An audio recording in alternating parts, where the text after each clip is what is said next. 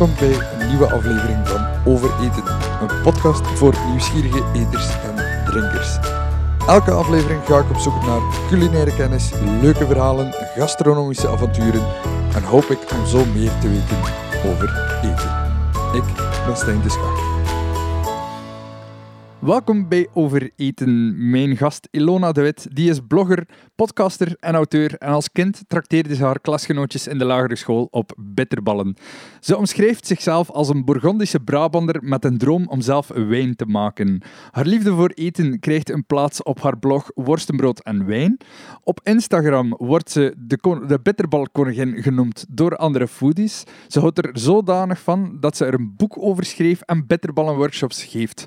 Ondertussen heeft ze ook nog de Kookboeken-podcast gestart, waarin ze tatert en kwettert met een ongelooflijk enthousiasme over haar collectie kookboeken. En ze houdt er naast dit alles ook nog van om in haar moestuin te plotteren. Ilona, welkom bij Overeten. Ehm, jij bent nu bezig met een sabbatical, eh, omdat je op wereldreis had moeten zijn. Ja, corona stak daar natuurlijk een, eh, een stokje voor. Maar voor jouw sabbatical had je toch nog een gewone job. Waar haalde jij de tijd? Ja, dankjewel. En dankjewel voor die mooie intro trouwens. Wat heb jij je huiswerk goed gedaan? ik had het zelf niet beter eh, kunnen vertellen. Nou ja, die tijd. Ja, ik vraag het mezelf ook wel eens af. Omdat ik, eh, zeker als je erop terugkijkt, dat ik denk van jou, hoe, hoe kan dat eigenlijk allemaal? Maar ja, ik heb gewoon heel veel energie. Ik doe al die dingen die ik doe, doe ik met heel veel eh, passie en plezier. En dat maakt, het, dat maakt het makkelijk. En ik ben ook nog eens een hele vroege vogel. Dus ik sta regelmatig eh, om vijf uur op. Ofwel omdat mijn wekker gaat, of omdat ik gewoon uit mezelf wakker word. Dus ik heb altijd wat extra uurtjes in de ochtend. Vijf uur klinkt veel te vroeg voor mij. Jij eh, hebt een blog, eh, die gaat ondertussen al een paar jaar mee. Hoe ben je ertoe gekomen om een, om een blog te starten? Ik heb eigenlijk, ehm, ja, ik heb een soort van onbewust altijd al geblogd. Alleen, alleen noemde ik het toen niet bloggen en was ik me niet zo bewust zeg maar, van, het, van het bestaan van foodblogs. Daar ben ik ooit mee begonnen. Ik heb eh, nu dus inderdaad een sabbatical eh, van mijn werk eigenlijk om een wereldreis te maken. Dat zou niet de eerste wereldreis zijn, want dat hebben mijn man en ik een aantal jaar terug ook al gedaan. En toen heb ik al die, al die keren dat wij op reis gingen, dat we iets langer op, eh, op, op reis gingen, heb ik altijd geblogd eigenlijk voor familie en vrienden. Gewoon een soort van reisblog waar we waren. En ik merkte op een gegeven moment gewoon dat op het moment dat ik thuis was, dan miste ik dat. Ik miste het gewoon om, om dingen te delen. En nou ja, het meeste gaat er toch bij mij over eten. Dus toen, ja, toen heb ik op een gegeven moment bedacht, ik ga, eh, ik ga gewoon bloggen. dus dat ben ik eh, gaan doen. Niet als worstenbrood en wijn trouwens. Ik ben ooit begonnen met het eh, geniale idee om dat in het Engels te doen omdat we ook best wel wat, eh, wat buitenlandse vrienden hebben. En ik dacht, dat is makkelijk als ik in het Engels doe. En dan heb ik veel groter bereik. Want nou ja, de Engelse community is natuurlijk veel groter. Maar dat, dat heb ik gewoon niet heel lang volgehouden. Want ja, daar komt er nog iets extra's bij, zeg maar, bovenop het fotograferen en, de, en het recepten uitwerken. Moet je dan ook nog alles in het Engels vertalen. Want het is natuurlijk niet mijn eerste... Het is natuurlijk niet mijn moedertaal. Dus daar ben ik, eh, ik denk, ik weet niet, na anderhalf jaar of zo denk ik mee gestopt. En toen eh, kroop het bloed waar het niet gaan kon. En toen ben ik toch maar in het Nederlands begonnen. Worstenbrood en wijn. Hoe kom je bij Ja. die naam? Ja, nou ja, ik heb. ehm, eh, er is een, eh, een kookboek. Nou ja, je, je, je weet, ik heb een kookboekenpodcast. Ik ben gek op kookboeken. Ik heb een, eh, een kookboek met eh, de naam Chocolate and Zucchini. Dat is ook van een foodblogger, Clotilde Duzelier uit mijn hoofd. Een, een Franstalige dame is dat. Een van de eerste foodbloggers die ik in ieder geval ben gaan volgen. En haar blog heet dus ook Chocolate and Zucchini. Dus chocola en courgette, zeg maar, in het Nederlands vertaald. En dat, dat heeft me altijd super leuk geleken van als ik ooit een blog begin, dan wil ik er twee, zeg maar twee, eh, ja, twee van dat soort dingetjes in. eh, met, met relatie tot eten en dan met name in relatie tot eten eh, met mij. En dan vond ik ook nog eens ehm W en W, hè, dus twee keer de W vond ik leuk. En nou ja, toen kwam ik uiteindelijk dus uit op worstenbrood van Brabant en wijn. Ja, omdat ik daar gewoon hartstikke gek op ben. En wat jij net ook al zei, ik had ooit de droom, op zich is die droom er nog steeds wel, maar hij is een beetje in de ijskast gezet om zelf, ehm, om zelf wijn te maken. Dus vandaar worstenbrood en wijn. Ja, het klinkt een beetje als een hele rare food pairing. Heb je die twee al echt Ja. gepaired? Ja, ja, dat heb ik. Maar onbewust, want ik zou het zelf nooit inderdaad. Een worstenbrood en wijn, dat past helemaal niet bij elkaar. Zo is het ook helemaal niet bedoeld. Het staat echt zeg maar voor Brabants, Burgondisch. eh, eh, daar staat het voor. Ik heb het ooit eens wel inderdaad samen geproefd, omdat ik... ehm, heel lang al vrijwilliger ben bij Wijngaard de Linie in Maden. Een Nederlandse wijngaard hier niet zo ver vandaan. En nou ja, daar hadden ze heel vaak ook gewoon warme maaltijden tussen de middag als we daar gingen druiven plukken. Maar het is dus ook wel voorgekomen dat ze een broodmaaltijd hadden. En toen was inderdaad ja, Nederlandse wijn met een worstenbroodje. En dat is een, dat is een pairing die goed werkt. Ja, nou, alleen in die setting vind ik zelf. Ik, eh, ik, ik vind bij worstenbrood hoort gewoon lekker koffie en geen wijn. Maar ik vind als je dan toch in de Brabantse wijngaard aan het werk bent, ja, dan, dan een, een, een wit, uh, een wit Nederlands wijntje met een Brabants worstenbroodje, dat, ja, in die setting kan dat prima. Ik had een, een reactie gelezen van jou naar een andere Nederlandse schrijfster. En jij had een punt te maken over het verschil tussen worstenbroodjes en saucijzenbroodjes. ja, dat is nog... Hier bij ons in België, ja, wij hebben gewoon worstenbroodjes. Dat is uh, een worst in een uh, stukje bladerdeeg. En ja, ja, dat is het. Maar wat is het verschil tussen worstenbrood en saucijzenbrood? Ja, dat is echt iets typisch Brabants. Het Brabants worstenbroodje die, uh, heeft een, een, een, een deeg van, ja, gewoon een deeg, zeg maar niet van bladerdeeg, maar brooddeeg. En dat is wel echt een grote verschil. En uh, je vindt ook uh, die Brabantse worstenbroodjes en sowieso worstenbroodjes alleen in het zuiden uh, van Nederland. En boven de rivieren, of je vindt ze niet, of, ja, of je vindt er broodjes. Maar dat is dus wel, wel iets anders. En ik vroeg me al af inderdaad in België of jullie daar hetzelfde mee bedoelen? Ik zou het eigenlijk niet weten wat de, wat de Nederlandse versie is, om heel eerlijk te zijn. Ik ben vaak in Nederland geweest, maar dan is een worstenbroodje zoeken niet echt hoog op mijn culinaire agenda. Nee, nee, nee, snap ik. En de, en de vraag is dus, ga je dan op zoek naar een worstenbroodje of eigenlijk naar een sausijzenbroodje? Ja, wij gaan in ieder geval op zoek naar worstenbroodjes. Ja, ja, ja. Nee, ja, ja Brabantse worstenbroodjes eh, worden gemaakt met, met brooddeeg. Ja, en niet met bladerdeeg.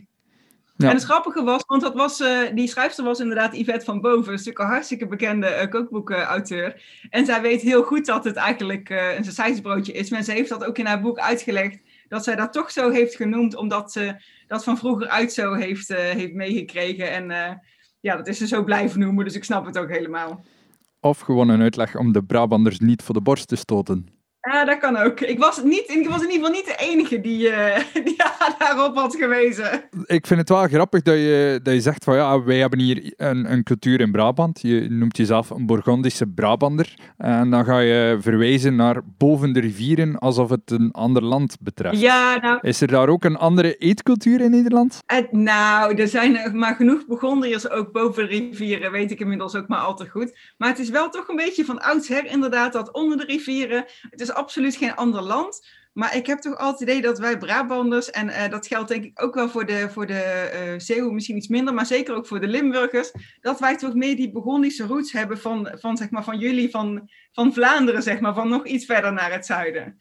En daar zit wel degelijk, um, ja, de meeste Brabanders worden toch wel echt, zeg maar, Burgondisch opgevoed met lekker borrelen en... Uh, ik zeg niet dat dat boven de rivier in Nederland niet zo is, maar dat is wel echt typisch Brabants. Brabant is ook het, het land die ik ken als het, uh, het grootste carnavalstuk uh, van Nederland. Dus, uh, en, en, en Limburg.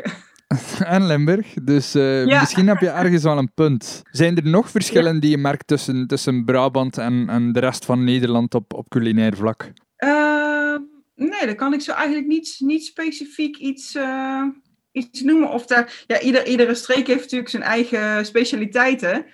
Maar, uh, maar dat, is, dat is wat mij betreft denk ik wel een beetje het grootste verschil. Dat iedereen in Brabant ziet zichzelf een soort van automatisch als Burgondier. En uh, ja, dat is in de rest van Nederland niet altijd zeg maar standaard het geval. En dan, je woont in Tilburg. Kijk je soms ook de grens over naar het zuiden? Uh, hoe bedoel je, qua producten of qua blogs? Nee, ja, ook, maar vooral ook qua, qua eetcultuur. Uh, zie je daar een, een heel groot verschil? Ehm, nou, uh, ik kijk vooral heel graag naar België voor jullie biertjes.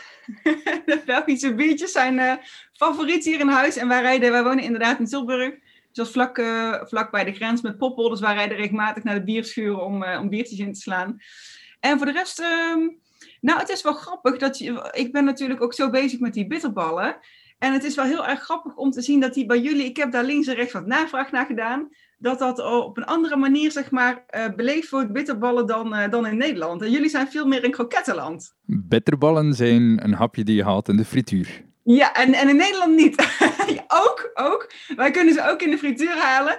Maar ja, bitterballen is in Nederland echt iets voor bij de borrel, zeg maar. Het maakt niet uit op, op, op welk feestje of, of bedrijfsborrel of, eh, of gewoon bij iemand thuis, zeg maar. Of op het terras, daar horen gewoon bitterballen bij. Dat is wel grappig. Hoe ben jij bitterballenkoningin geworden? Ja, dat heb ik de, nou, die, die titel heb ik inderdaad niet zelf bedacht, maar ik heb hem wel heel dankbaar in ontvangst genomen, want ik vond hem eigenlijk gewoon veel te leuk. En dat is, uh, ja, dat is een heel eigen leven gaan leiden. Ik ben gewoon ooit, um, ja, ben gewoon ooit begonnen met die, met die foodblog. En, uh, en ik ben ook ergens, zeg maar, op een gegeven moment begonnen met het maken van bitterballen. Maar op een gegeven moment uh, mijn volgers op Instagram dat ik dat, ja, wel meer maakte, zeg maar, dan, uh, dan de gemiddelde persoon bitterballen maakt. Omdat ik er zo enthousiast over was geworden. En steeds meer ben gaan experimenteren met, uh, met smaken. Dus dat viel op. En, uh, en toen kreeg ik allemaal verzoeken van mensen die ze wel wilden proeven. Of ze bij mij wilden kopen. Maar ik heb altijd gezegd, daar ga ik niet aan beginnen. Ik, het is echt best wel een, een intensief werkje, zeg maar, qua tijd. En en al, al, die opslagruimte in mijn vriezer. Nou ja, het, het, is helemaal niet lucratief om dat te verkopen. Dus ik heb gezegd, ik verkoop ze niet, maar jullie mogen ze wel bij mij komen proeven. dus dat is... Uh, ja, dat heeft geleid tot een aantal bitterballenborrels, heb ik ze genoemd. Waarbij ik uh, verschillende uh, foodies van Instagram, die ik via Instagram kende, uitnodigde. Dus die kende ik daarvoor nog helemaal niet. En dat was zo'n ja, dat was zo'n groot succes. En dat ging ja, dat balletje, zeg maar, dat bitterballetje ging rollen. Mensen gingen mij heel tijd taggen en daarover delen van... En ik weet eigenlijk niet eens meer wie het nou eigenlijk was die die naam bedacht. Maar op een gegeven moment was ik gewoon op Instagram de bitterballenkoningin. En toen heb ik dus ook expres, om die reden heb ik dat Instagram-account bitterballenkoningin.nl aangemaakt. Omdat mensen mij op een gegeven moment gingen zoeken op bitterballen en niet op worstenbrood. en ze kregen mij dan niet gevonden.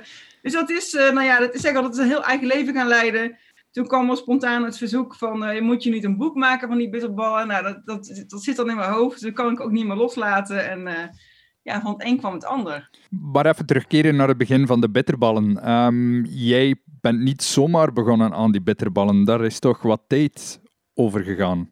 Jazeker. Ja, ik, uh, ik, ik had al een tijdje het boek, uh, het Groot Culinair Krokettenkookboek ja, het is een hele lange naam. Het groot culinair krokettenkookboek van Edwin Katz uh, in mijn uh, kookboekenverzameling liggen. En uh, ik zag er al best wel tegenop van ja, ik wil nog een keer wel zelf met die kroketten aan de slag. Maar ja, toch spannend. En um, ik denk dat het 2016 was. Ik weet het niet zeker meer, maar ik denk dat het 2016 was.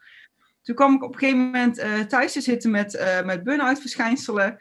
En toen heb ik op een gegeven moment uh, dat boek uh, uit de kast gepakt. Want ik kan gewoon, ik kan gewoon dat, is ook, dat is ook een probleem met mij. Ik kan niet stilzitten.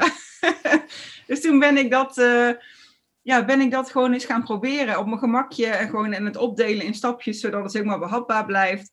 En in plaats van kroketten ben ik eigenlijk, ja, ik weet niet of ik meteen bitterballen ben gaan maken, maar ik ben heel snel bitterballen gaan maken. En dat puur om het feit dat ze gewoon makkelijk te, te rollen zijn, makkelijker te vormen zijn dan kroketten. Dus uh, ja, zo is het begonnen. En, eh, en ik ben er dus niet meer mee gestopt. Is er dan, behalve de vorm, een verschil tussen kroketten en bitterballen? Nee, nee, het is echt alleen de vorm. Ze hebben dezelfde vulling en dezelfde, uh, dezelfde korst. Dus uh, nee, het is echt een kwestie van gewicht en, en vorm. Ja, want een broodje kroket is ook wel iets wat in Nederland vaak gegeten wordt, toch?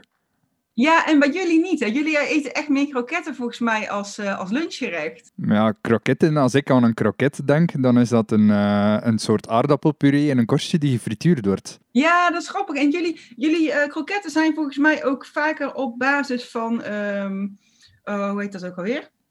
Als op basis van melk is in plaats van op basis van bouillon. Ja, kaas en, en garnaalkroketten die zijn inderdaad op basis van een roe. Ja, ja. ja de, mijn, mijn bitterballen zijn ook op basis van een roe, maar daar zit dan geen melk in, maar bouillon. En volgens mij, uit mijn hoofd staan de Belgische kroketten wat vaker op een basis van, uh, van melk. Klopt, klopt. Die worden ja. inderdaad met uh, melk gemaakt. De garnaalkroketten met een uh, bouillon, uiteraard, van, van garnalen. Um, maar dat zijn de twee kroketten die wij het vaakst hebben. Het lijkt me ook logisch ja. om kaaskroketten te maken met een, met een mornay-saus, een, een kaassaus, in, in plaats van een, een bouillon. Ja, ja toch werkt dat ook, uh, toch werkt dat ook prima. Als je mijn bitterballen hebt geproefd, dan, uh, dan weet je dat. Wat ik grappig vond trouwens, um, jij gebruikte in jouw boek enkel van die bouillonblokjes en niet gewoon een verse bouillon. Wat is de reden daarvoor? Ja, dat heb ik wel heel bewust gedaan. Ik heb er ook heel bewust bij gezet dat ik alleen um, vers getrokken bouillon maak als je de basisbitterbal of de basiskroket maakt. Dus gewoon die met rundvlees of met uh, kalfsvlees. En dat heb ik ook eigenlijk gedaan, uh, A, om het mezelf en, uh, en zeg maar de, de, de thuiskok, want daar is het echt voor geschreven, de thuiskok het makkelijk te maken. Um, omdat ik zelf toen ook met dat boek van, um, van Edwin Kat, zeg maar, dat is voor mij eigenlijk de drempel om dan voor al die salpicons, hè, de, de vullingen van de, van de om daar zelf bouillon voor te gaan trekken. Aan de ene kant is het niet veel moeite, aan de andere kant, je moet er wel echt over nadenken van, oh, als ik dat wil gaan maken, dan moet ik eerst die bouillon uren trekken, dan moet die afkoelen. En um, ik, heb dus eigenlijk, ik ben dus gewoon gaan experimenteren met bouillonblokjes. En op het moment dat de smaken van de bitterbal of de kroket, zeg maar, dus de, de smaken van de vulling die erin gaat, als die zo uitgesproken zijn van zichzelf, dan, dan heb je die bouillon zeg maar niet nodig voor de smaak. De enige reden waarom ik bouillonblokjes gebruik, is voor het zoutgehalte. En dat kan ik gewoon beter controleren met zo'n bouillonblokje als ik altijd dezelfde verhoudingen pak, zeg maar, dan dat ik zelf met peper en zout uh, in de weer ga. Dus dat is eigenlijk, uh, dat is eigenlijk de reden. Dus aan de ene kant kun je zeggen, ja, het is, uh, je bent, uh, ik ben ook geen echte chef, ik ben gewoon een hobby, hobbykok eigenlijk. Maar dat heb ik wel dus bewust gedaan om, um, ja, om het zo toegankelijk mogelijk te houden. En ik heb nog nooit iemand horen klagen over de smaak van, oh, je proeft een bouillonblokje of je proeft juist iets niet of zo. Dus um, ja, het werkt voor mij. En voor mijn bitterballen. Ja, de reden waarom ik het vraag is omdat in de winkel kun je toch ook gewoon bouillon kopen die niet in blokjesvorm is. Heb je daarmee uh, gespeeld? Nee, heb ik eigenlijk niet, uh, niet gedaan, nee. Nee, en, ik zeg al, wat, ik, ik gebruik dus, nou ja, ik heb het gewoon nooit geprobeerd, dus ik weet het niet hoe het smaakt. Het zou op zich uh, prima kunnen werken, denk ik. Maar de meeste bouillonblokjes zijn wel zeg maar ongeveer hetzelfde. Ook, nou ja, ik heb het met name voor de Nederlandse markt geschreven, maar ik gok dat jullie bouillonblokjes ook, ja, ook van een beetje dezelfde verhoudingen zijn. In Frankrijk zijn ze weer net iets anders. In Frankrijk zijn ze wat sterker, dat is ook goed om rekening mee te houden. Maar zo weet ik dus gewoon altijd van als ik 1 miljoen blokje op een halve liter water, dan um, ja, dat is een beetje mijn basis, zeg maar, qua, zeg ook, met name om de smaak op te halen. Dat is ook wat ik uh, herinner van uh, mijn pakjes bouillonblokjes uh, hier in de kast. Dus ik denk dat je daar wel gelijk hebt. Mooi. nou, het gaat me helemaal niet om gelijk hebben, maar dat is, ja, ik zeg altijd, ja, mijn recepten, ja, die werken zo. En, en ik merk dat, dat het gewoon zeg maar, de drempel lager maakt om eraan te beginnen. Want heel veel heel veel mensen vinden het toch wel spannend om te beginnen aan zo'n kroket of bitterbal. Ik denk dat het voor jou ook spannend was om te beginnen aan een boek, want dat idee dat ligt te repen. En op een bepaald moment dan neem je die beslissing om echt een boek te gaan schrijven. Hoe vertrek je dan? Je begint te schrijven aan je, je basisrecept wat je altijd maakt en dan... Dat is niet gewoon vijf receptjes. Nee, nee. Nou ja, ik, uh, dat, dat idee is dus on, is ontstaan zeg maar, door andere foodbloggers die op die bitterballenborrel waren. En die onderweg naar mij toe uh, ze gingen, waren aan het carpoolen. Hadden ze al een soort van zitten bekokst over van... nee, moet Ilona eigenlijk niet al die bitterbalrecepten in een boek uitbrengen? Dus het was al een soort van uh, voor mij beslist van dat dat wel een goed idee zou zijn. En nou ja, toen iedereen weg was, heb ik dat gewoon eens laten... Uh, dat idee laten bezinken. En dacht ik, ja, ja, ja, is eigenlijk misschien toch ook wel heel erg leuk. Het is er nog niet namelijk, behalve dat krokettenboek van Edwin Kat. En er is ook een Belgische uh, krokettenboek van jullie krokettenmadam, geloof ik. Ik weet eventjes haar naam niet.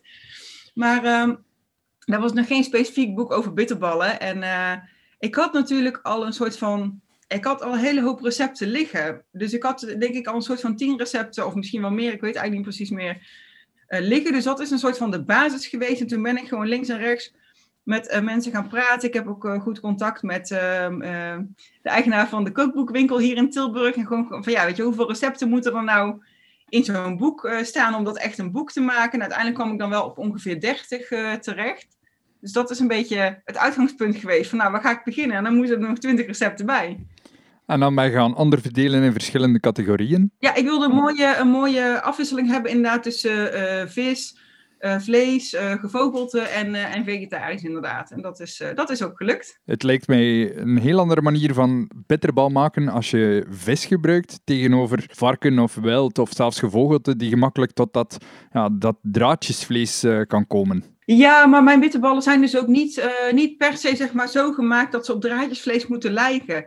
Uh, elke bitterbal heeft gewoon zijn eigen vulling. En, die met kaas, ja, die hebben ook geen, geen draadjesstructuur. Die hebben weer een veel uh, ja, kazigere structuur. Dus dat is niet, uh, dat is ook niet het uitgangspunt geweest. En in principe, het principe van het maken van, van zo'n vulling voor bitterbal of kroketten, dat is eigenlijk voor, voor al die vullingen, voor al die ingrediënten hetzelfde. De basis blijft hetzelfde.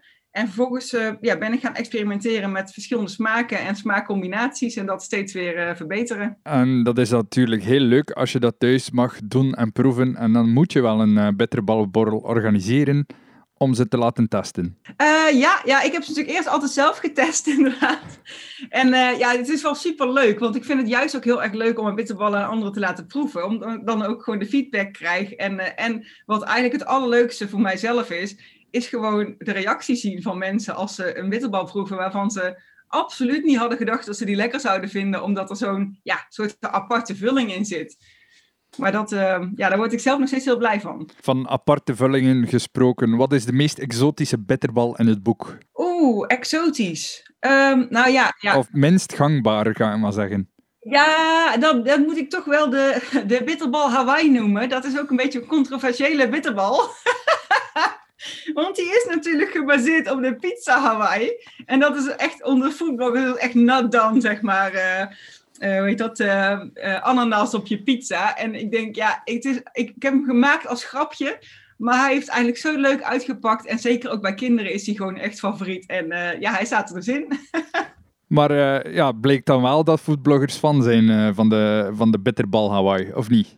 Ja, ja, ja, ja, die valt goed in de smaak.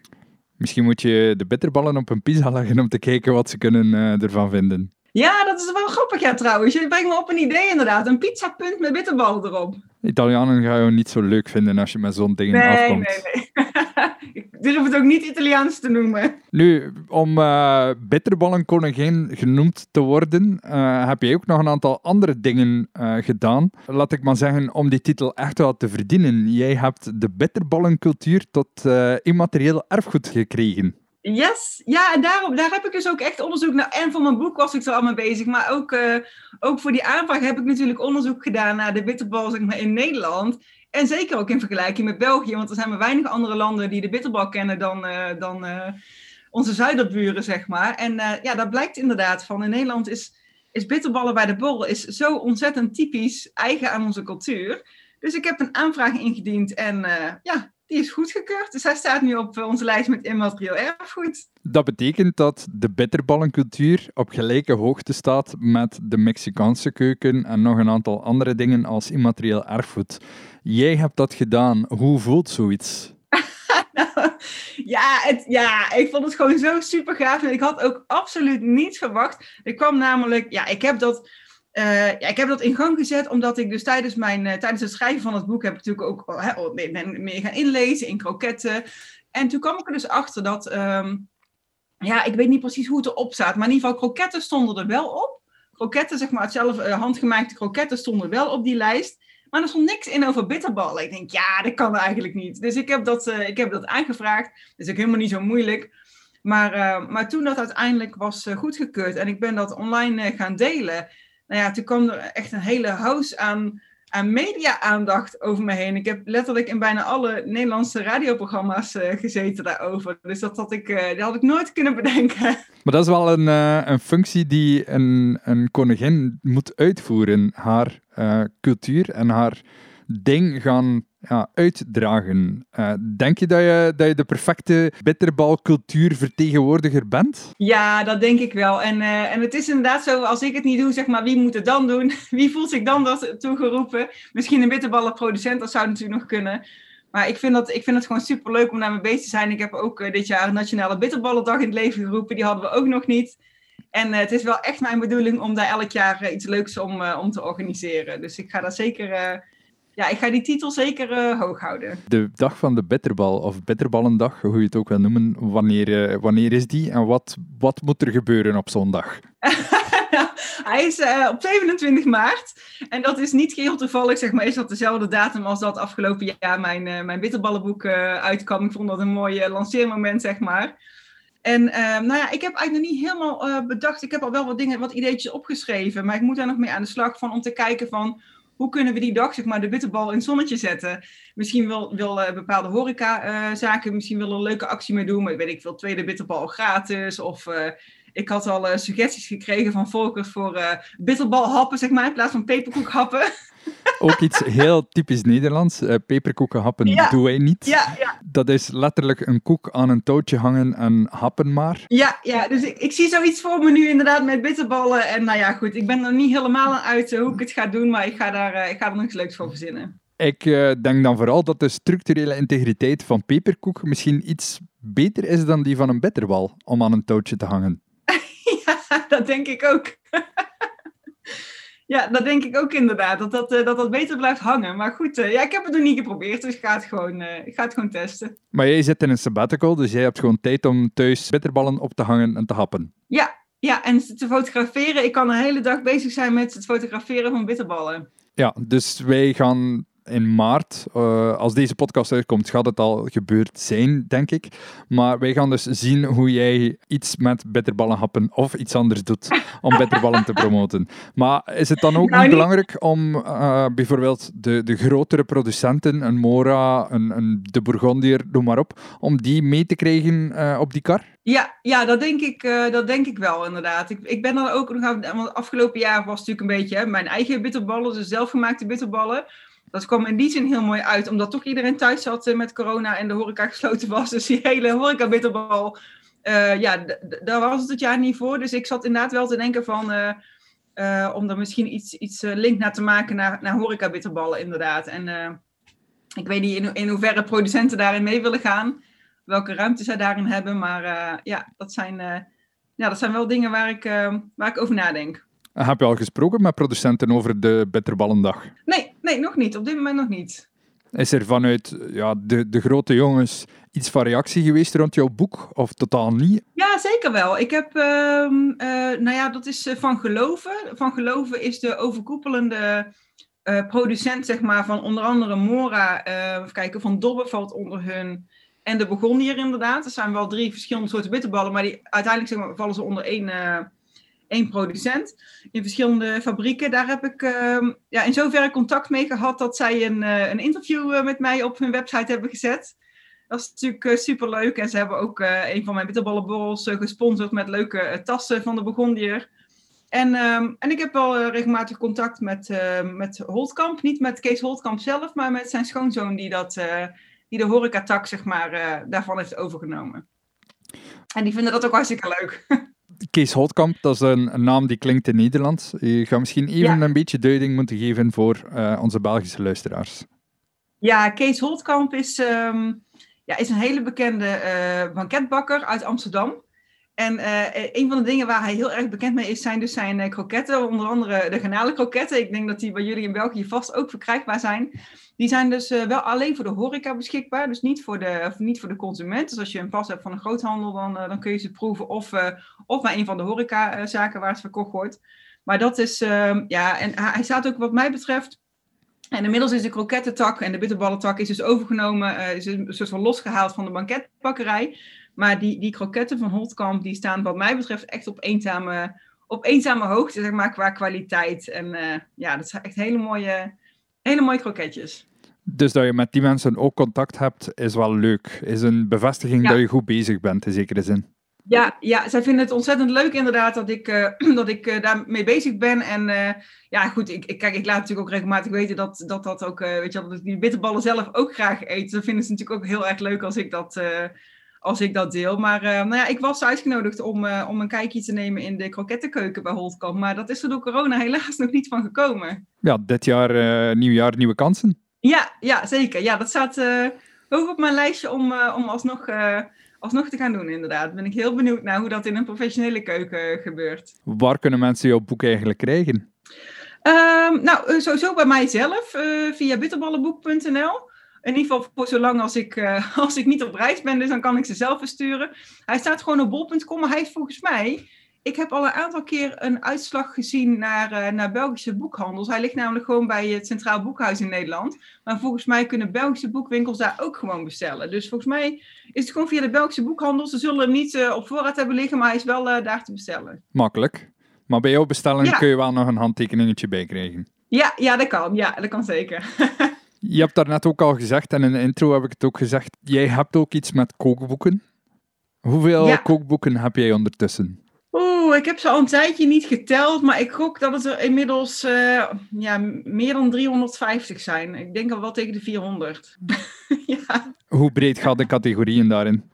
Heel breed. Ja, dat vind ik juist ook zo leuk. Ik, um, ja, je kan het eigenlijk gek niet bedenken of ik, uh, of ik heb wel... Of ik heb er wel een kookboek van. Dat, dat is ook zo leuk dat er zo ontzettend veel verschillende kookboeken over zoveel verschillende onderwerpen zijn. Dus uh, ik ben ook wel heel erg fan van um, kookboeken van topchefs, vind ik heel erg leuk. Maar ook gewoon van echt hele specifieke uh, keukens. Ik heb natuurlijk een aantal favoriete chefs waar ik uh, kookboeken van heb. Dus, en ik vind, nou ja, mijn eigen, mijn eigen boek is natuurlijk ook een een one-topic kookboek, zeg maar, hè, met één onderwerp. Dat vind ik ook ontzettend leuk. Als je gewoon één boek hebt over alleen maar één onderwerp. Dus moest ik nu een favoriete vragen of een favoriete categorie, dan uh, dat lukt niet. Oh, mm.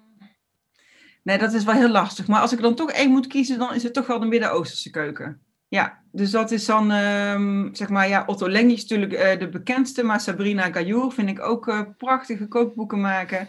En het boek TLV, Tel Aviv, van uh, Jihad Krant, staat ook echt, echt in, de, in de top 10 met favoriete boeken. Heb jij uit elk kookboek al gekookt?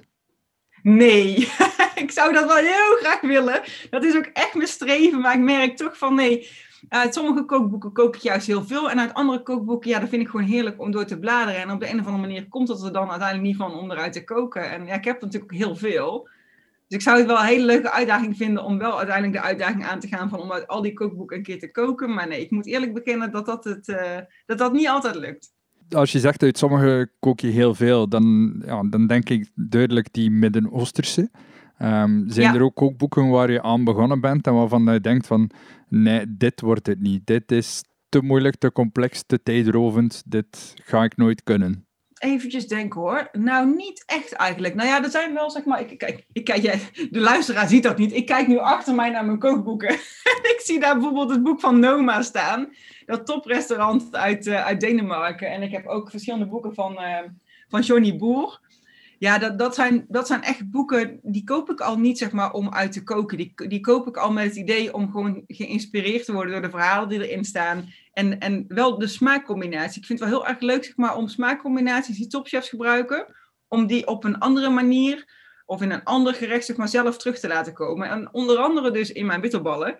Want je kunt, ja, je kunt er ook alles in stoppen. Het Noma-boek, dan denk ik dat je het hebt over uh, het fermenteren handboek.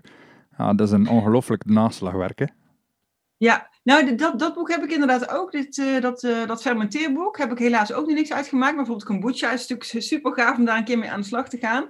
Maar nee, ik bedoelde eigenlijk uh, ja, het Noma-kookboek gewoon van het restaurant zelf, zeg maar, met, met gerechten uit het restaurant. Ja, dat is los aan van het feit dat dat uh, ingewikkeld is, kom ik al niet aan al die ingrediënten. Dus dat is gewoon, ja, dat is alleen maar leuk om in te lezen.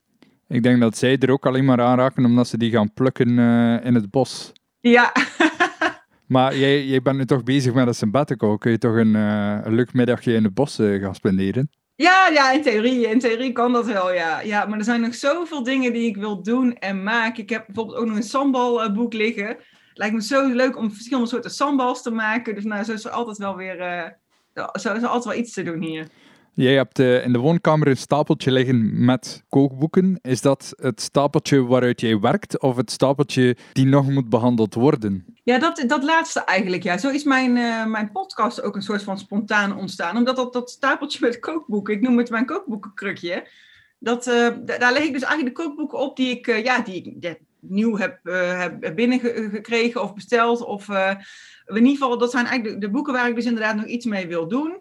Uh, in de basis was het altijd ook, uh, nou, behalve koken, ook daar een recensie over schrijven op mijn blog. Maar ik merkte gewoon, het stapeltje werd alleen maar groter. En, en, en de, tijd, uh, de tijd, die wordt er niet meer om. En toen heb ik uiteindelijk gewoon aan mijn lezers of mijn volgers gevraagd van... God, zouden jullie het... Ik heb geen tijd om er allemaal recensies van te schrijven, maar vinden jullie het wel leuk als ik iets over die boeken vertel? En zo is, en zo is die kookboekenpodcast ontstaan. En dat is, ja, dat is ook weer hartstikke leuk. Ik dacht dat het uh, vooral was omdat het stapeltje werd groter en je man werd chagrijniger dat het stapeltje groter werd. Ja, ook, ja ik heb inmiddels een, een max van acht boeken heb ik, uh, heb ik afgesproken dat er op liggen. Maar ja, die boeken die gaan, die moeten toch ergens liggen. Dus nu liggen ze ook al op de bank en daar is hij ook niet blij mee. Dus nou ja, af en toe moeten ze, moeten ze eraf en dan moet ik ze uit de kast halen om, om ze te bespreken. Als je een kookboek koopt, koop je gewoon zomaar of ga je echt op zoek naar iets speciaal?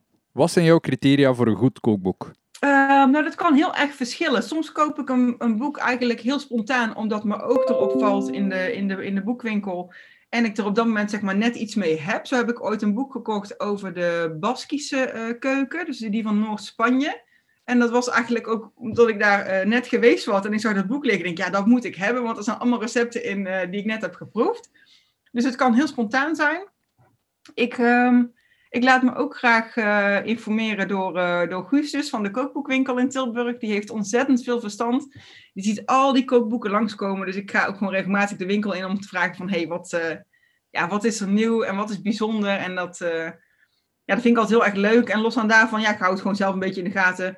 Ook bij in, de, in de folders van de uitgevers van wat, wat komt er uit en wat lijkt mij interessant. En ik heb mezelf ik mag in ieder geval geen Italiaanse kookboeken meer kopen, want daar heb ik er echt veel te veel van. Is dat de, de grootste categorie uh, in de verzameling? Nou, ik weet niet of het de grootste is, maar uh, ja, op een gegeven moment zeg maar, ja, je denkt, maar eh, hoeveel boeken van de Italiaanse keuken moet je hebben, zeg maar? Er staan toch, ja, ze zijn wel allemaal net weer verschillend, maar goed, ik heb er best wel veel, dus uh, die zal ik niet zo snel meer kopen. Maar bijvoorbeeld een Grieks kookboek heb ik nog niet. Ik ga nu wel iets bekennen. Ik heb hier uh, meer dan 100 boeken over de Mexicaanse keuken staan. Dus ik, oh, uh, geloof, ik geloof dat je wel kan zeggen dat je nooit genoeg boeken hebt. Oh, wat leuk. Dus alleen maar kookboeken over de Mexicaanse keuken. 100 stuks. Ja. Wauw. Kijk, dat vind ik nou echt super gaaf. Ik heb er wel een paar trouwens, maar, uh, maar niet zoveel uh, van de Mexicaanse keuken. Ja, ik heb zelfs een, een paar kookboeken. Als je geen Otomi of uh, Maya of een, een andere lokale taal spreekt, dan kun je de helft van het boek niet lezen. Oh, wat leuk joh. Ja. Nou, dat is wel echt een, een niche-verzameling. nee, die, die van mij is veel breder.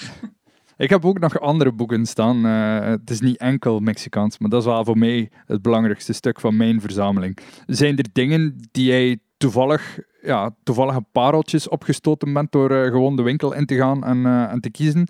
Dingen die je misschien nooit zou ontdekt hebben? Als je niet het advies van, van de kookboekenwinkel had gevolgd, of noem maar op. Mm, even kijken hoor. Ja, ik heb er wel eentje. Wacht, ik pak hem maar even bij. Dit is bijvoorbeeld um, het, boek, en ik, ik, moet ook meteen eerlijk bekennen dat ik er zelf helemaal niet uitgekookt heb. Dit is het boek Soep het jaar rond. En uh, dit is best een grappig uh, boekje, ook zonder, zeg maar, ja, jij kunt de kaft zien, de, de, luisteraars kunnen het niet zien. Er zit dus eigenlijk geen harde kaft omheen, zeg maar, dus je ziet de, de, de open rug. En dit, um, dit is een boekje wat Guus, dus dat, is de, eigenaar van de kookboekwinkel, um, al een paar keer aan had aangeraden. Maar ik ben helemaal niet zo'n soepmens. En het, het, het, lot wil, zeg maar, dat ik daar dus een keer in de winkel stond. En ik stond weer naar dat boekje te kijken. En letterlijk, er komt iemand de winkel binnengelopen. En die begint over dat boekje dat ze daar, ik weet niet meer eens meer welk recept het was, maar dat ze daar een bepaald recept uit had gemaakt dat dat zo ontzettend lekker was. Dus ik denk, nou, dan moet ik het, dan moet ik het gewoon kopen. dan heb ik weer een soepboek. Maar nog niet uitgekookt. Nee, nog niet uitgekookt, nee. Dus als ik het verhaal van de bitterballen hoor, dan ga je volgend jaar of binnen twee jaar een soepboek uitbrengen. Nou, nee. dat zit er niet zo snel in, nee. Haal je uit die collectie van jou, heb je daar ook een beetje inspiratie uit gehaald voor jouw eigen boek? Ja, zeker. Ja, want ik vind het dus heel erg leuk, want jij vroeg net inderdaad van wat maakt een, een, een kookboek een goed kookboek. Maar dat, ja, zeg, dat verschilt een beetje uh, ook uh, qua moment. En, uh, en sommige boeken gebruik ik inderdaad alleen als inspiratie, maar ook voor mijn eigen boek ja, je gaat ook gewoon kijken van wat vind ik fijn in een kookboek. Ik vind het zelf bijvoorbeeld heel erg fijn als een, uh, een recept is opgedeeld in stappen.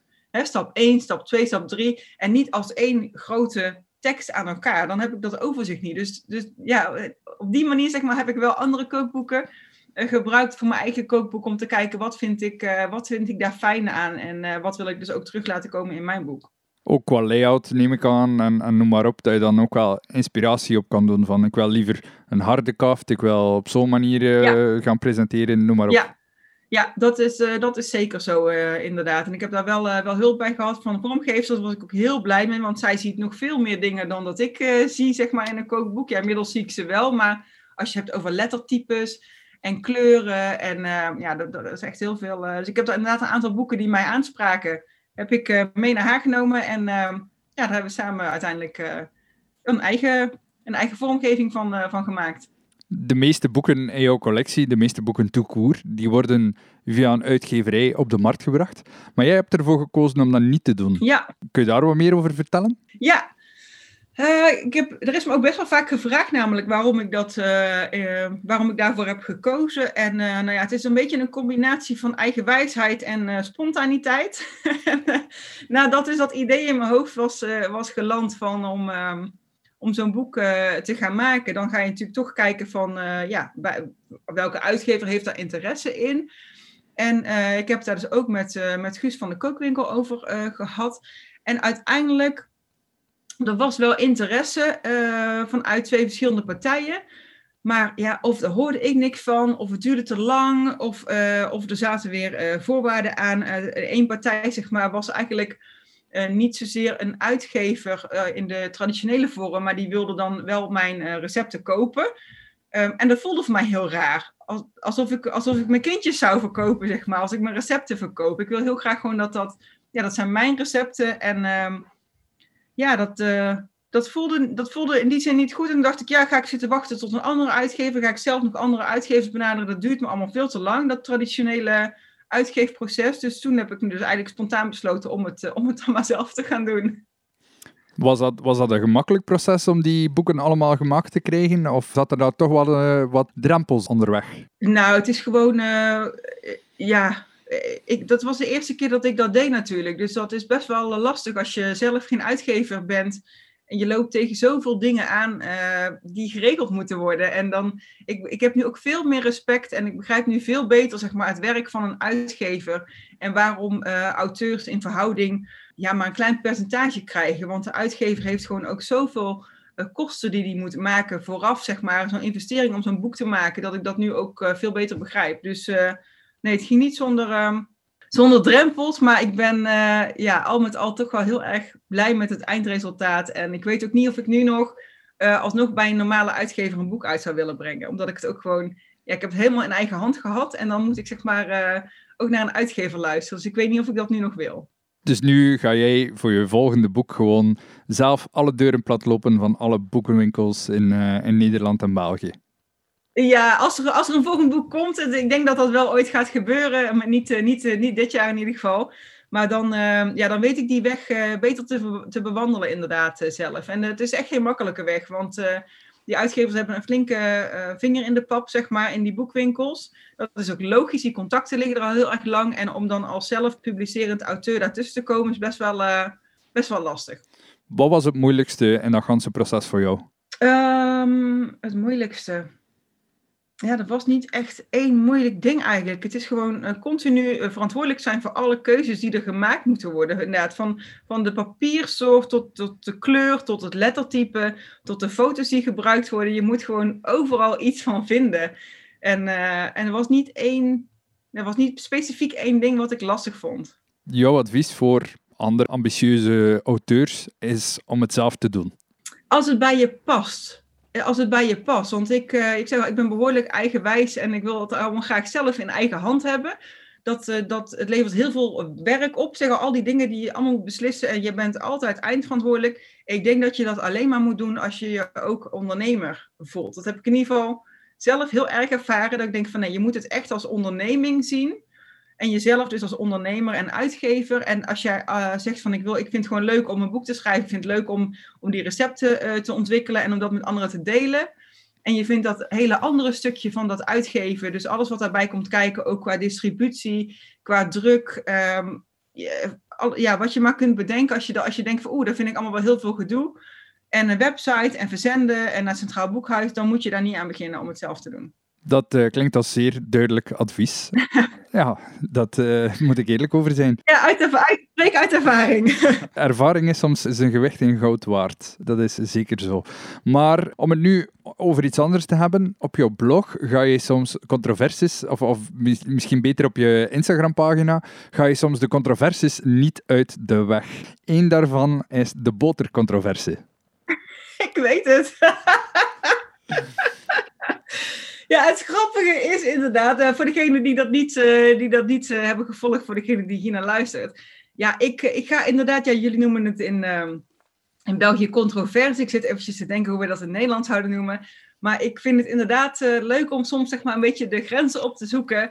En tegen heilige huisjes te schoppen. Omdat ik vind dat dat op Instagram te, weinig, te weinig gebeurt. En nou ja, op een gegeven moment, dat is al best wel een hele tijd geleden hoor. Toen kwam er ineens van een bepaald merk kwam er, ehm, ja, ik noem het nepboter, omdat het geen boter is. maar de slogan was dan boter, maar dan beter. En daar bedoelden ze niet mee dat het zeg maar beter was qua smaak. Al heb ik het zelf nooit geproefd, dan moet ik er meteen ook eerlijk bij vertellen. Maar beter voor het milieu. En uh, op zich is dat natuurlijk een mooi streven. En zeker als je uh, vegetariër of vegan bent, dan dan snap ik dat uh, ook wel. Maar het, was mijn irritatie, zeg maar, dat ik dat ineens overal voorbij zag komen. Ook gewoon bij bloggers die je normaal nooit hoort over dingen goed voor het milieu of, uh, of uh, geen melkproducten of wat dan ook. En daar had ik me toen inderdaad over uitgesproken. En zelf, ja, zelf was het daarmee voor mij, zeg maar gedaan. Maar het grappige was, dus ik heb echt zo ontzettend veel reacties gekregen van volgers die daar precies hetzelfde over dachten. En die bleven daar maar over bezig. Dus zo blijf ik daarmee, ik blijf met die netpoter geassocieerd worden. Maar dit is natuurlijk iets waar je niet enkel met boter hebt. Ik zag dit weekend bijvoorbeeld iets over alcoholvrije alternatieven voor gin. Ja, ik noem ze geen gin, want gin is een wettelijk bepaalde term. Maar je hebt altijd alcoholvrije alternatieven. Ook daar was je al bezig met tegen het huisje aan te stampen. Ja, dat klopt. En, uh, en ik snap ook, ook daar snap ik dus heel goed dat er, uh, zeker als je zwanger bent en je mag geen alcohol drinken, dat je een keer iets anders wil drinken dan, uh, dan vruchtensap of, of water. Maar ik, ik merk gewoon met, met dat soort dingen, of dat dan boter is of, um, of, of alcohol uh, waar geen alcohol in zit. Ik heb daar niks mee. Ik, ik sta voor, voor echt eten. Dat is zoiets wat, wat mij zo aan het hart ligt. Ook zeker als begondier. Van of je geniet van het mooie, echte product. Net zoals boter wordt verdorie gewoon gemaakt van melk. Dat wordt niet gemaakt van, weet ik veel wat erin zit, olie of E-nummers. Ik, ik kan daar helemaal niks mee. Hetzelfde als vegan kaas en, en, en stukjes nep vleesstukjes als van kip. Maar dat is dan geen kip. Nee, ik, um, dat staat heel ver van mij af. En ik merk gewoon uh, ja, dat ik me daar dan nou ja, aan irriteer. Ik, ja, ik, ik heb er gewoon niks mee. En, je ziet het wel heel veel voorbij komen. En dat staat in, um, in contrast we willen allemaal zeg maar gezonder leven en minder vlees eten. En uit alles, alle onderzoeken blijkt dat we helemaal niet minder vlees eten. Dus denk ik, wie houden we nou voor de gek? Eet gewoon, of je eet het wel, of je eet het niet. En je gaat niet op zoek zeg maar, naar een soort van nepvervanger of zo. Dus de vegetarische slager, die moet jou niet uitnodigen om hun bitterballen te gaan proeven? nou, die wil ik altijd proeven hoor. Daar sta ik zeker voor open. Maar mijn, uh, mijn vegetarische bitterballen bijvoorbeeld, ja, die bevatten geen nepvlees. En die bevatten ook niet iets wat op vlees moet lijken. Die willen ook niet op, op een echte bitterbal met vlees lijken. Want dat zijn gewoon vegetarische bitterballen. Die zijn mooi, zeg maar, op zichzelf. Met de ingrediënten die daarin zitten. Niet omdat ik het probeer om op een echte bitterbal te laten lijken. En met een echte bitterbal bedoel ik dan eens eventjes een, een rundvleesbitterbal. Maar... We weten ondertussen dat er heel veel verschillende soorten zijn. Ja, ja, ja. Ja, maar dat is inderdaad. En, uh, en het grappige is dus ook met die, met die boten doordat ik een van de weinigen ben, of misschien wel de enige, ik heb in ieder geval nog niemand gevonden die, die soms ook zo, uh, ja, zich zo zeg maar uitspreekt op Instagram. Uh, en, en, dat ik daar zoveel bijval in krijg, van, dat heel veel mensen dus eigenlijk een beetje hetzelfde over denken. Maar, maar de rest vindt het niet nodig om dat, uh, om dat openbaar te delen. En dan maak ik me ook niet altijd populair met andere bloggers, maar dat kan me dan niet zo heel veel schelen. Waarschijnlijk ook niet bij de PR-afdeling of de marketingafdeling van heel wat producenten. Ja, ja, en ook dat, ook dat maakt me dus niet uit, want dat zijn dan dus producenten die niet met mij moeten willen samenwerken, omdat het niet bij me past. Terwijl ik heb laatst een proeverij gedaan met um, Brabantse wijnen. Ja, weet je, als er iets bij me past, dan is dat het. Dus, dus ik, ik, ik, ik vind dat ook helemaal niet erg, want daarmee, um, sowieso doe ik, doe ik uh, heel weinig betaalde samenwerking, maar de, degene die ik doe, zeg maar, die passen ook bij me qua product en qua waar ik voor sta. Ja, die Brabantse wijn, jouw, jouw droom om wijn te maken, waarom kan die niet daar gerealiseerd worden? het was inderdaad, het is een hele mooie droom. En, ehm, en, en ik denk dat iedereen zeg maar, het voor zich ziet, zo'n wijngaard. En of dat nou in Brabant is of, of ergens anders. Zo'n wijngaardje waar je dan lekker zit met je wijntje en de zon die ondergaat, een kaasje erbij. En dat hele idee van die wijngaard, en dan in Brabant, omdat ik in Brabant uh, woon, ja, dat is gewoon dat is gewoon inderdaad een, een, een droom. Dat is een soort van ideaal beeld. En ik heb me daar dus, ehm, als ik iets in mijn hoofd heb, dan ga ik het dus ook gewoon doen. Dus ik ben ehm, lid geworden van de Brabantse Wijnbouwers. Inmiddels is dat uh, Wijnbouwers van de Lage Landen. Dat is gezamenlijk ook met, met de Belgische wijnbouwers. En daar ben ik een tijd actief uh, lid van geweest. Ik heb verschillende cursussen gevolgd, wijnbouwcursussen. ja, het eind van het verhaal is gewoon dat het echt heel veel werk is. En, ik, en dat idee van die wijngaard is leuk, maar je moet dan wel heel het jaar eigenlijk thuis zijn om elke, altijd wel iets, er is altijd iets in de wijngaard te doen. En ja, daar wil ik mezelf niet aan vastleggen. Maar kijk, jij zit nu thuis zonder zicht op een wereldreis. Ja, ja maar, maar dat is uh, een, een, te korte periode om, om zeg maar wijn, wijn te gaan maken. Want je bent zo zeg maar al drie jaar verder voordat je de eerste fatsoenlijke wijn zeg maar, van je stokken af hebt. Eer die stokken groot genoeg zijn, de druiven groot genoeg. En ik had ook al wel bedacht dat als ik het zou doen, dat ik dan vooral zeg maar het, um, ja, het groeien van die druiven, dat is wat ik leuk vind. En, en dat is hetzelfde een beetje met mijn moestuin. Ik vind het superleuk om daar, om daar mee bezig te zijn, maar dat hele wijn maken zelf, dat is gewoon een chemisch, ja, een scheikundig proces. Daar snap ik helemaal niks van, daar wil ik ook helemaal niks van snappen. Maar is het samenwerking dan geen mogelijkheid om bijvoorbeeld een uh, cuvée Ilona te maken bij een andere wijnbouwer? Jawel, jawel dat, is zeker, dat is zeker een mogelijkheid. Er zit hier ook uh, een wijnbouwer in de buurt, de Dassemus is dat in Kaam. En die, uh, die biedt dat ook aan, zeg maar, om, om voor andere wijnmakers of wijndruivengroeiers, zeg maar, om daar wijn voor te maken. Dus die optie is er, is er zeker. Maar vooralsnog, um, nee, vooralsnog staan er geen druivenrankjes in mijn tuin. Je weet waar je terecht kan, duidelijk. Jawel, ik weet zeker waar ik terecht kan. Want ik ben daar nog steeds... Uh, ja, ik vind het zo'n mooi product. Ik vind het ook zo leuk dat het hier in Brabant... en tegenwoordig natuurlijk ook gewoon in België... en in de rest van Nederland uh, kan. Dus dat vind ik, uh, ja, vind ik leuk om daar een bezig te zijn... om daarover te leren. Ook over de verschillende druivenrassen. Ja, de grond. En ja, ja, voor mensen die meer willen weten over wijnbouw, ik heb een aflevering met het wijndomein uh, Entre Deux Monts in West-Oeter, zuiden van de provincie West-Vlaanderen. Dat kun je gewoon uh, vinden in elke podcast-app, maar ik link het onderaan ook nog even in de show notes. Maar Brabantse wijn, ja, Brabant is natuurlijk niet direct de plaats waar ik aan denk uh, als ik aan wijn denk. Hier in België denk ik al wat makkelijker aan wijn, omdat ik ja, door, de, door de, de tijd heen, door de jaren heen gezien heb dat er wijnranken uh, bestaan en dat er, dat er wijndomeinen zijn. Ja, in Nederland had ik dat nu niet direct verwacht. Hoe smaakt die wijn? Die smaakt inmiddels uh, echt steeds beter. Uh, nou ja, het is echt natuurlijk ook wel leuk. Nou, inmiddels hebben we in heel Nederland wijngaarden. Ik denk, ik denk zelfs in, in Groningen, ik weet het niet zeker, maar de Achterhoek is ook heel erg bekend om, om zijn wijngaarden. En um, ja, die smaakt gewoon uh, goed. Uiteraard smaakt elke wijn uh, anders. De een, uh, de een smaakt ook beter dan de ander. Ligt er ook een beetje aan zeg maar, hoe lang zo'n wijnboer al bezig is. De oudste zijn, ik denk, een jaar of veertig inmiddels bezig.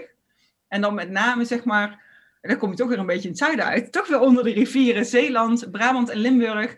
En ik zeg ook, ook wel Gelderland, maar die, die maken echt wel hele mooie wijnen. Echt hele, vooral de frisse witte wijnen vind ik heel mooi de frisse witte wijnen die zijn natuurlijk het gemakkelijkste te groeien in onze klimaat. Dus zware rode wijnen, ja, daar heb je toch wat meer zonlicht voor nodig en wat meer warmte om uh, die suikerstadontwikkeling te kunnen laten komen. Jij had al één wijndomein daar genoemd in de buurt, in, in Kaam. Zijn er nog zo'n aantal wijndomeinen waar mensen een oogje voor moeten openhouden volgens jou? Ja, nou wat ik ook al eerder zei inderdaad, waar ik, uh, waar ik ook vrijwilliger ben, dat is uh, de linie in Maden zij zijn net uh, overgenomen, of de linie is net overgenomen zeg maar, door een, nieuwe, een nieuw stel. Weer een wat jongere stel die het, uh, die het gaat overnemen. Die, die maakt echt ook al jaren echt hele mooie witte wijnen. En dan heb je in uh, Limburg, ja, je, hebt er best wel, je hebt er best wel veel hoor. Ik ken, ze, ik ken ze niet allemaal bij naam uit mijn hoofd. Even kijken, wie heb je naar Limburg? Een hele grote ook. Ik kom er zo eventjes niet op. ik kan het altijd nog naar je nasturen, dat je het in de show notes kunt zetten. Voilà, dan doen we dat gewoon zo. Dan uh, staat hij uh, dadelijk onderaan in de show notes van deze aflevering. Een aantal mooie wijndomeinen inderdaad in Nederland. Ja, dan uh, hoor ik jou al heel hard schrappen van niet vergeten. Ja, ja, ik ben aan het mee tekenen. En Belgische wijn, dat is wel grappig. Ik, ik weet heel weinig over Belgische wijn. Ik uh, kan me niet herinneren ooit een Belgische wijn geproefd te hebben, maar ik weet dat ze, ik weet dat ze er zijn. Die aflevering is al uit als deze podcast er is, dus dan kun je ook gewoon luisteren. Leuk. Jouw podcast, waar kan die uh, beluisterd worden?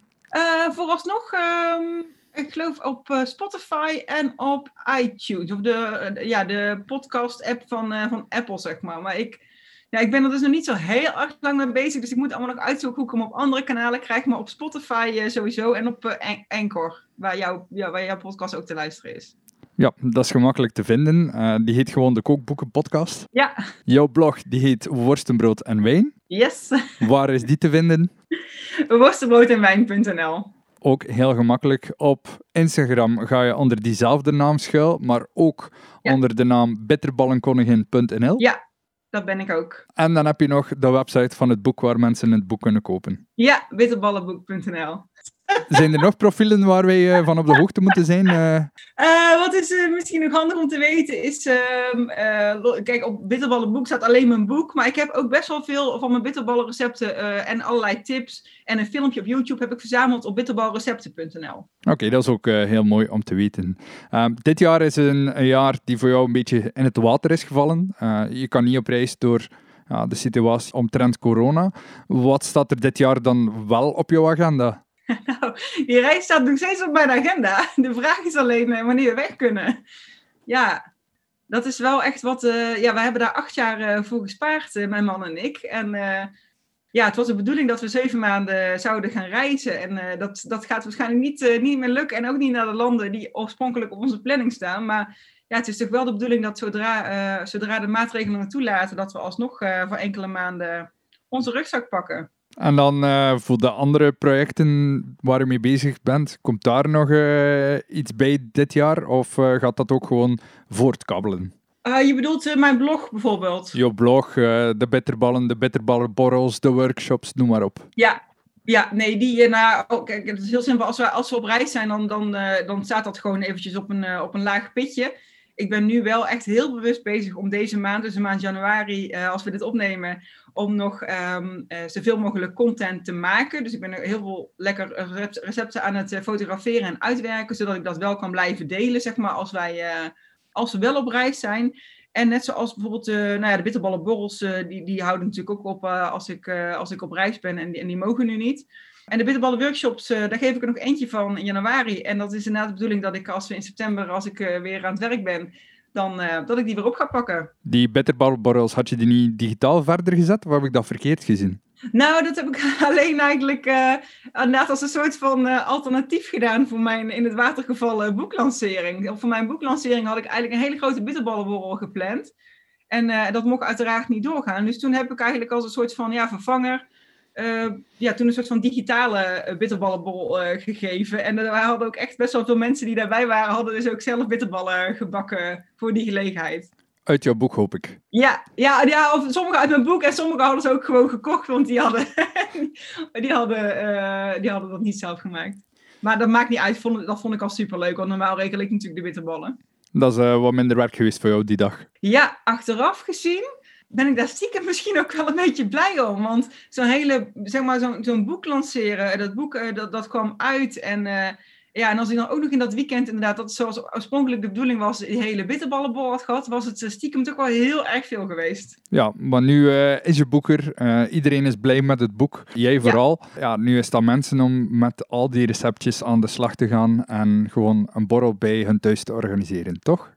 Ja, ja dat, daar, daar komen ze het beste uit. En gewoon lekker bij de borrel inderdaad. En niet, uh, niet, bij, de friet, niet bij de frietjes. Als laatste zag ik vandaag ook nog dat jij um, het misschien wat rustiger zou aandoen op Instagram. Denk je dat dat gaat lukken? Ja, ik vind het wel lastig. Ik heb echt een haat-liefde verhouding met Instagram. En, en de liefde zit hem vooral in de, in, de, in de connecties, in alle leuke contacten die ik via Instagram uh, ja, heb leren kennen. Echt, dat heeft echt mijn leven, zeker als, als foodie, uh, echt verrijkt met mensen die dezelfde uh, liefde, zeg maar, en liefde en passie delen. Dus dat uh, vind ik heel erg waardevol en dat wil ik ook niet missen. Maar als het gaat over, ehm, ja, weet je, je zit daar toch ook op om, om, om bereik voor je blog te genereren, omdat je graag wil dat mensen je recepten vinden. En ik merk gewoon, ja, dat hele algoritme van Instagram is er niet op gericht, zeg maar, om mensen zoveel mogelijk mijn content te laten vinden.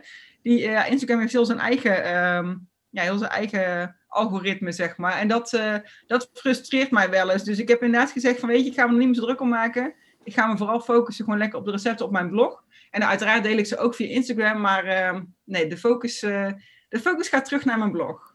Ik heb wel de indruk dat je daar heel bereikbaar bent en heel makkelijk in contact staat met andere mensen. En dat je ook heel gemakkelijk ja, via de DM's en de, de, de comments conversaties aangaat. Ja dat, doe ik ook, ja, dat doe ik ook heel bewust, want ik vind het gewoon ook zo leuk. Ik krijg zoveel reacties, uh, met name over die bitterballen dus nog steeds. Uh, ja, dat mensen die gemaakt hebben en dat ze, dat ze er enthousiast over zijn. Dus ja, ik vind het ook niet meer dan netjes om daar gewoon uh, op te reageren. En dat zal ik ook blijven doen hoor, maar ik probeer wel bewuster om dat niet meer heel de dag door te doen.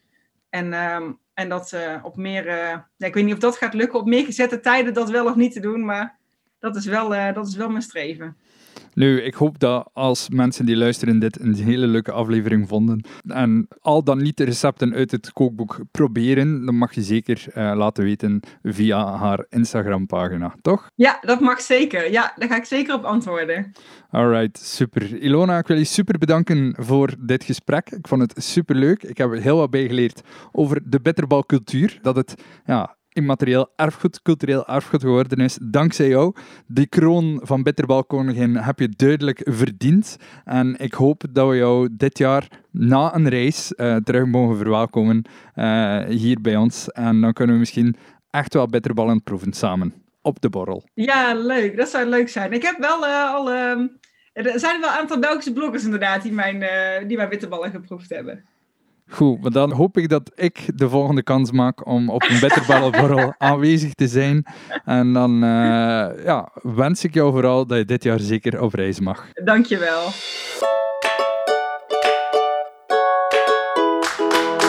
Bedankt om te luisteren naar Overeten. Vond je het een leuke aflevering? Deel deze podcast dan zeker met andere foodies. Tag me gerust op Facebook of Instagram via @overetenpodcast. Honger naar meer? Dat is mijn maandelijkse nieuwsbrief vol eet, drink en luisterplezier. Schrijf je in via de website, dat is www.overetenpodcast.be. Bedankt en hopelijk tot binnenkort.